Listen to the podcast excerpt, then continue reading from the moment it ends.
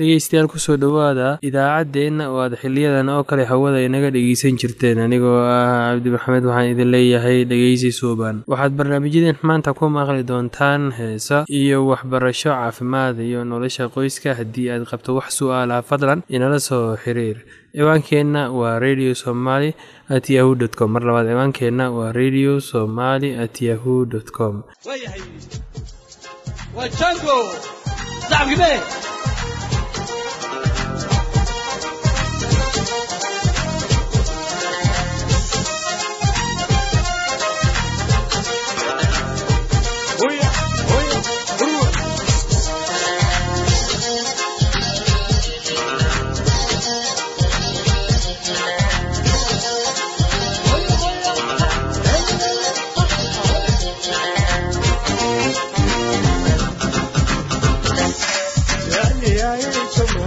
hooyo dhacdiyaaye fariin wuxuu ku joogay dhacdiyaaye jab haduuka hooyo dhacdiyaaye fariin wuxuu ku joogay dhacdiyaaye jab haduuka hooyo dhacdiyaaye fariin wuxuu ku joogay dhacdiyaaye jab haduuka hooyo dhacdiyaaye fariin wuxuu ku joogay Yeah.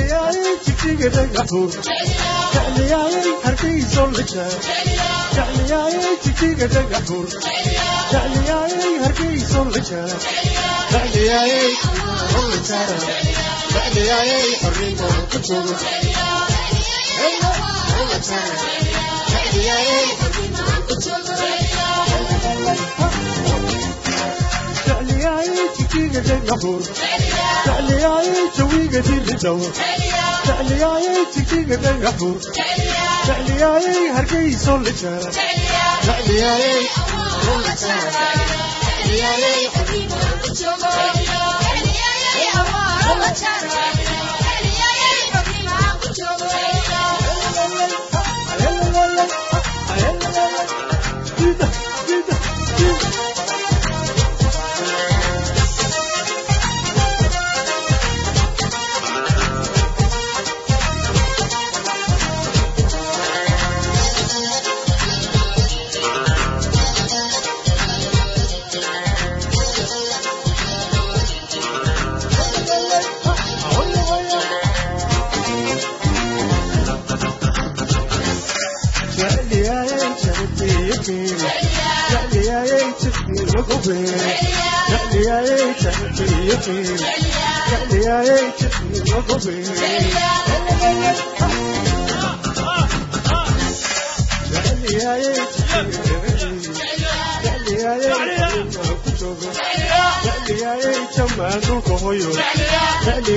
hornimaan ku joogo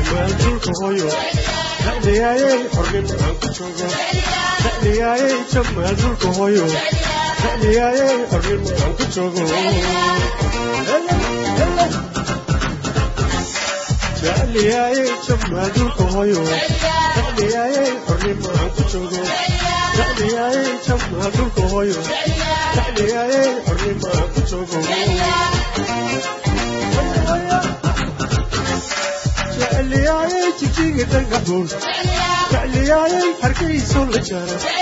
Jecliyaayay jijiga dhagaxuun jecliyaayay laascano dhexduu jecliyaayay jecliyaayay qoryoba ku togo jecliyaayay jawaaboka sogo jecliyaayay qoryoba ku qajilaayo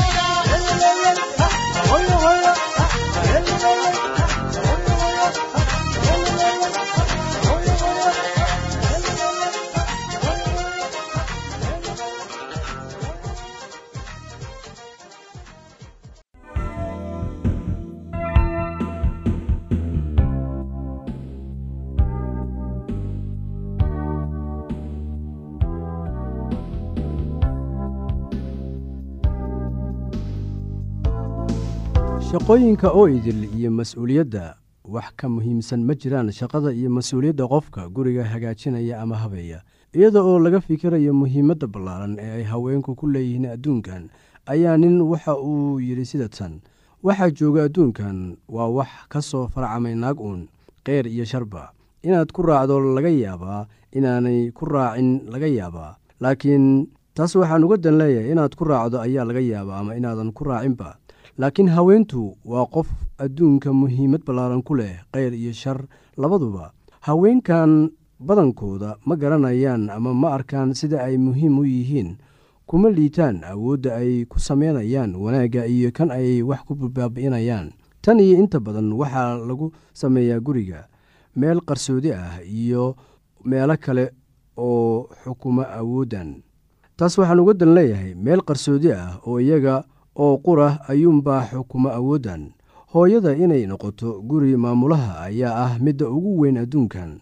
Noqoshada hooyada waa mid aad u adag oo khatar ah laakiin wax beddeli kara iyada ma jiraan. Adduunka haweenka maanta waxay u muuqataa inuu buuxiyey heer laga gaaray xagga cilmiga farsamada gacanta iyo sayniska. Laakiin bulshadeenna waxay noqonayaan caawimaad la'aan iyo rajo la'aan guri sameeye la'aantii kuwaasoo saacado badan ku qaata inay cayaaraan qaybo yaryar sida weeldhaqidda dhulxaaqidda dhaqidda iyo tulidda dharka soogelidda soo gadidda cuntada loo baahan yahay iyo qabashada shaqada kale ee looga baahan yahay guriga. Waxyaalahan kulli markii la isku dardaro waxay sameeyaan guri.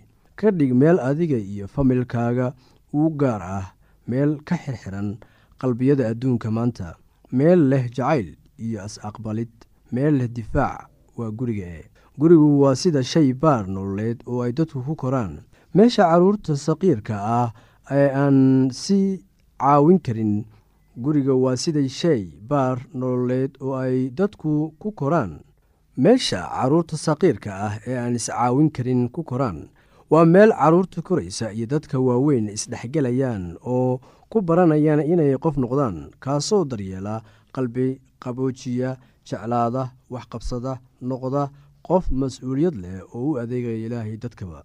Fikradda ugu muhiimsan ee guri sameyn ku jirta ayaa waxay tahay guri sameeyaha fikradda uu ka qabo guri sameynta marka uu shuqul maalmeed guriga qabanayo. Baaritaan lagu sameeyey guryaha ayaa waxa uu sheegayaa in hooyooyinka sida ay u arkaan ama u waajahaan shaqadooda ay sal u tahay xaaladda guud ee reerka islamarkaasi aad tahay guri hagaajiyaha waxa aad tahay qofka ugu muhiimsan gurigaaga bulshadaada iyo qaybaha kale ee adduunka. Waa run in naagtu qabato shaqo badan oo loogu talagalay inuu ninka qabto. Si wanaagsan ayayna u samaysaa laakiin guri hagaajinta iyada oo keliya ayaa qaas ku yahay. Isla markaasi aad tahay hooyo naag ama guri hagaajiya ayaa waxay kaa dhigaysaa wax qaas ah iyo waxtarka aad u keenayso bulshada. Guri ayaa ah adduunka dhammaadkiisa iyo bilowgiisa. Hooyada oo qura ayuunba si wanaagsan u abuuri karta.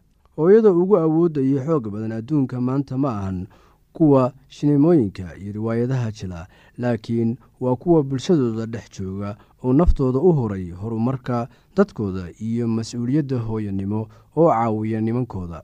Waxay u baahan tahay dadaal daacad ah daryeelayn isdhibid iyo is-edbin si aad u noqotid guri hagaajiye weyn. Inaad gacan ka geysato koriinka wiil iyo gabar barbaaraya oo noloshooda isaga raaxaysanaya oo waddani sax ah oo laga doonayo iyaga oo laftooda inay aaqirka guryo dhistaan. Oo ay waddada ilaah qaadaan ayaa ah shaqo culus oo laga doonayo qofka guriga hagaajiyaha ah. Waa run oo waxaa dhici karta inaad gacan ku leedahay shaqo kale laakiin aad fursadda u horaysi aada siiso guriga hagaajinta.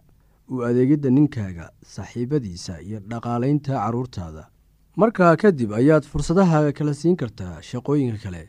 Marka hooyada guriga sameeyaha ay joogto iyadoo jecel inay carruurteeda wax la qaybsato dhegaysato oo daryeesho carruurta waxay ku raaxaysanayaan imaanshaha guriga oo xitaa saaxiibadooda keenaya. Dadka aala waxaa u qabta sida caadiga ah oo ay iyagu goostaan waa inay aqbalaan xadidaad ku yimaada dhaqdhaqaaqooda. Taas waxaan uga dan leeyahay xadidka ku yimaada dhaqdhaqaaqooda. Qaar badan waxay naag iyo hooyo noqoshada la tahay mid sharaf leh. Nolosha oo dhan tan ayay siiyaan oo runtiina waa mid aad iyo aad u wanaagsan. Qaarna shaqada guriga hagaajiya waxay u arkaan wax macno daro ah. Qaar waxay doortaan guri dhaqidda laakiin maalintii oo dhan way calaacalayaan qaar waxay isu guursadaan sida iyagoo qorsho kale isla gelaya. Aniga qaybteyda oo qura ayuunbaa samaynaya waxaan doonayaa sinaan iyo cadaalad. Ma jirto nin ama cunug ixukumaya oo ama ixukumi kara oo wakhtigayga iyo xirfaddayda qaadan kara. Hase yeeshee qaar waxay guurka iyo waalidnimada u aqbalaan sida axdi la xiriira jacaylka. Uma aqbalaan sida wax qasab ku ah inay sameeyaan jacaylka waxa uu si xoog leh u saameeyaa waxa ay gacantu awooddo inay samayso. Jacaylku wuxuu ku farxaa waxa aad samaynaysid isla markaasi aad samaynaysid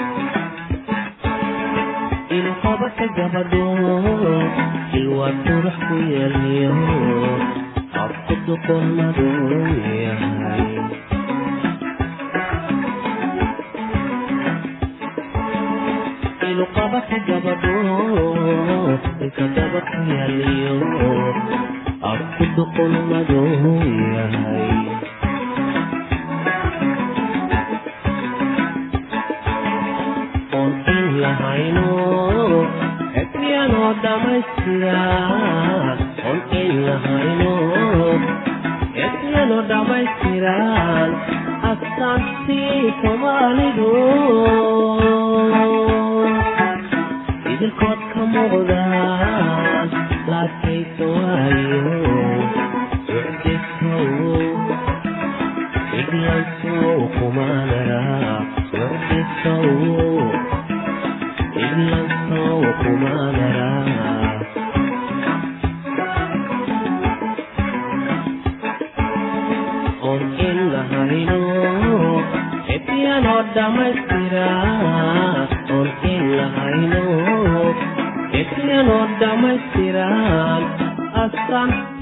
soomaalidu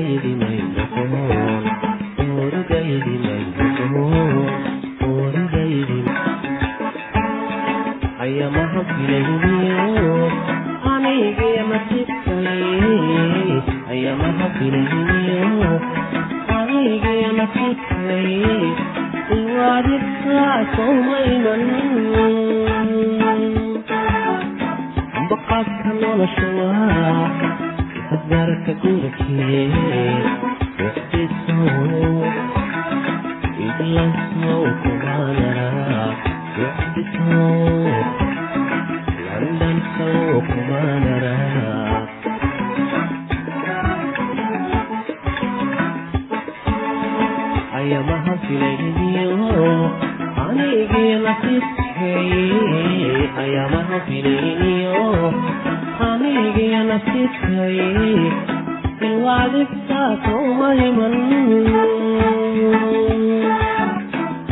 baqaadka nolosha waa asgaarka gurikee wixdisow iglasow kumaanara wixdisow landansow kumaanara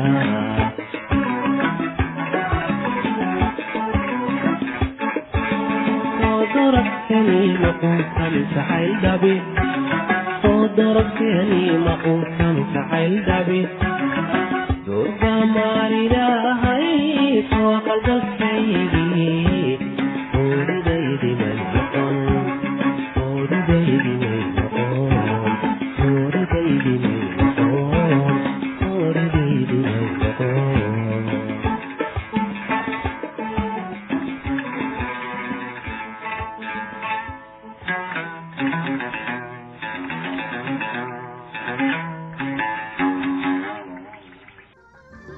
do beladona ama dawo muruqa isdabcisa sida xanuunka u yaraado.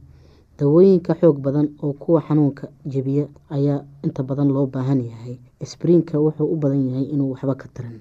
Haddii qofku xumad leeyahay waa inuu qaataa tetracyclin ama ambasliin ha cunin cunto subag badan cunto subag badan dadka aada u burburin. Waa inay cunaan cuntooyin yaryar oo ay miisaan lumiyaan dhibaatooyinka aada u xun ama tegi waaya u doono gargaar dhakhtarnimo. Marmar ayaa laga yaabaa in qalid loo baahdo. Ka hortegideeda dumarka aada u buuranin waa inay miisaanka ridaan iska ilaali cuntada macaanka iyo tan subaga leh oo waxba ha cunin. Cadhada. Dad qaar ayaa waxay qabaan in cadhadu xumi ka timaado dacarta badan. Runta waxaa weeye dadka cadhada badan badidoodu waxba kama qabaan xameytida dacarta. Waa caadi hase ahaatee dadka cudurka xameytida hayaa haddii ay had iyo goor baqdin ay ku nool yahay ay ka baqayaan in xanuun xumi ku soo noqdo sidan daraadeed way cadho dhow yihiin ama goor walba waxay ka warwaraan caafimaadkooda. Geerida oo la ogolaado sida qaalibka ahi dadka da-da si ka weyn sida dadka loo jecel yahay ayay ugu diyaar yihiin inay ogolaadaan geerida ku soo socota inta badan. Waxaynu isku daynaa inaynu qofka noloshiisa dheereyno inta aan kari karno. Wax kasta ha nagu qaadato marmar dhibaatadii haysay qofka iyo reerkiisa. Way sii kordhisaa marmar badan ayaa jira oo sida u raxmada badan ee aanay ahayn in labadii doono dhakhtar in la baadi doono dhakhtar ama dawada ugu wanaagsan ee ay tahay in lala joogo ee la taageero qofka dhimanaya. Xusuusi inaad ku faraxsan tahay waqtigii wanaagii iyo dhibaatadii aada soo wada marteen iyo inaad ogolaan karayso dhimashadiisa. Saacadaha ugu dambeeya jacaylka iyo ogolaanta geerida ayaa dawo kasta uga wanaagsan. Dadka da-da ahi bukaanka ku raagay waxay jecel yihiin inay gurigooda joogaan oo ay meesha ay garanayaan iyo dadka ay jecel yihiin ay ka doortaan cisbitaalada marmar waxaa laga yaabaa in tani soo dad qofka geeridiisa hase ahaatee goor walba ama xumo inay tixgeliyaan qofka dareenkiisa iyo baahidiisa iyo kuweenaba marmar ayaa qofka dhimanaya. Waxaa dhibaatadiisa kordhisa ogaanta uu ogyahay lacagta ku baxaysa in nafta uga sii jirto oo ay sabab u noqoto reerkiisa ama ogolaadaan ama caruurtiisa oo gaajooto. Waxaa laga yaabaa inuu doono inuu iska dhinto. Waxaa jira marmar ay hagaagsan tahay dad badan sida aada geerida uga baqa. Xataa hadday dhibaato qabaan dunida ay yaqaaniin ma jecla in ay ka tagaan dhaqan kasta ama dhismaha dhimashada. Waxay waxbuu ka haystaa iyadoo nolosha ka dambeysa dhimashada. Diinta ay laga yaabaa inay qofka raaxo siiso marka ay geerida qofka ku soo dhowdahay. Geerida qofka kadisay ugu iman kartaa waa in badan ayaa la sugaa sida oo ugu diyaar inay qofku uu aada u jecel yahay geeridiisa soo socota oo arrin howl yar ma aha. Inta badan waxa uu qabaa wuxuu qaban karaa waa taageero ama raxmad garasho ayuu diyaar u ahaada geerida qofka yar ama carruurta weligeed ma howl yara raxmadda iyo daacadnimada waa laga mamaarmaan dhageystayaasheena qiimaha iyo qadarinta lahu waxaa halkan noogu dhammaaday barnaamijkii caafimaadka. Waa shiina oo idin leh caafimaad wac haddii aad qabto wax su'aalaha fadlan inala soo xiriir. Ciwaankeenna waa radio somaly at yahu com. Mar labaad ciwaankeenna waa radio somaly at yahu com. Barnaamijyadeena maanta waa naga intaas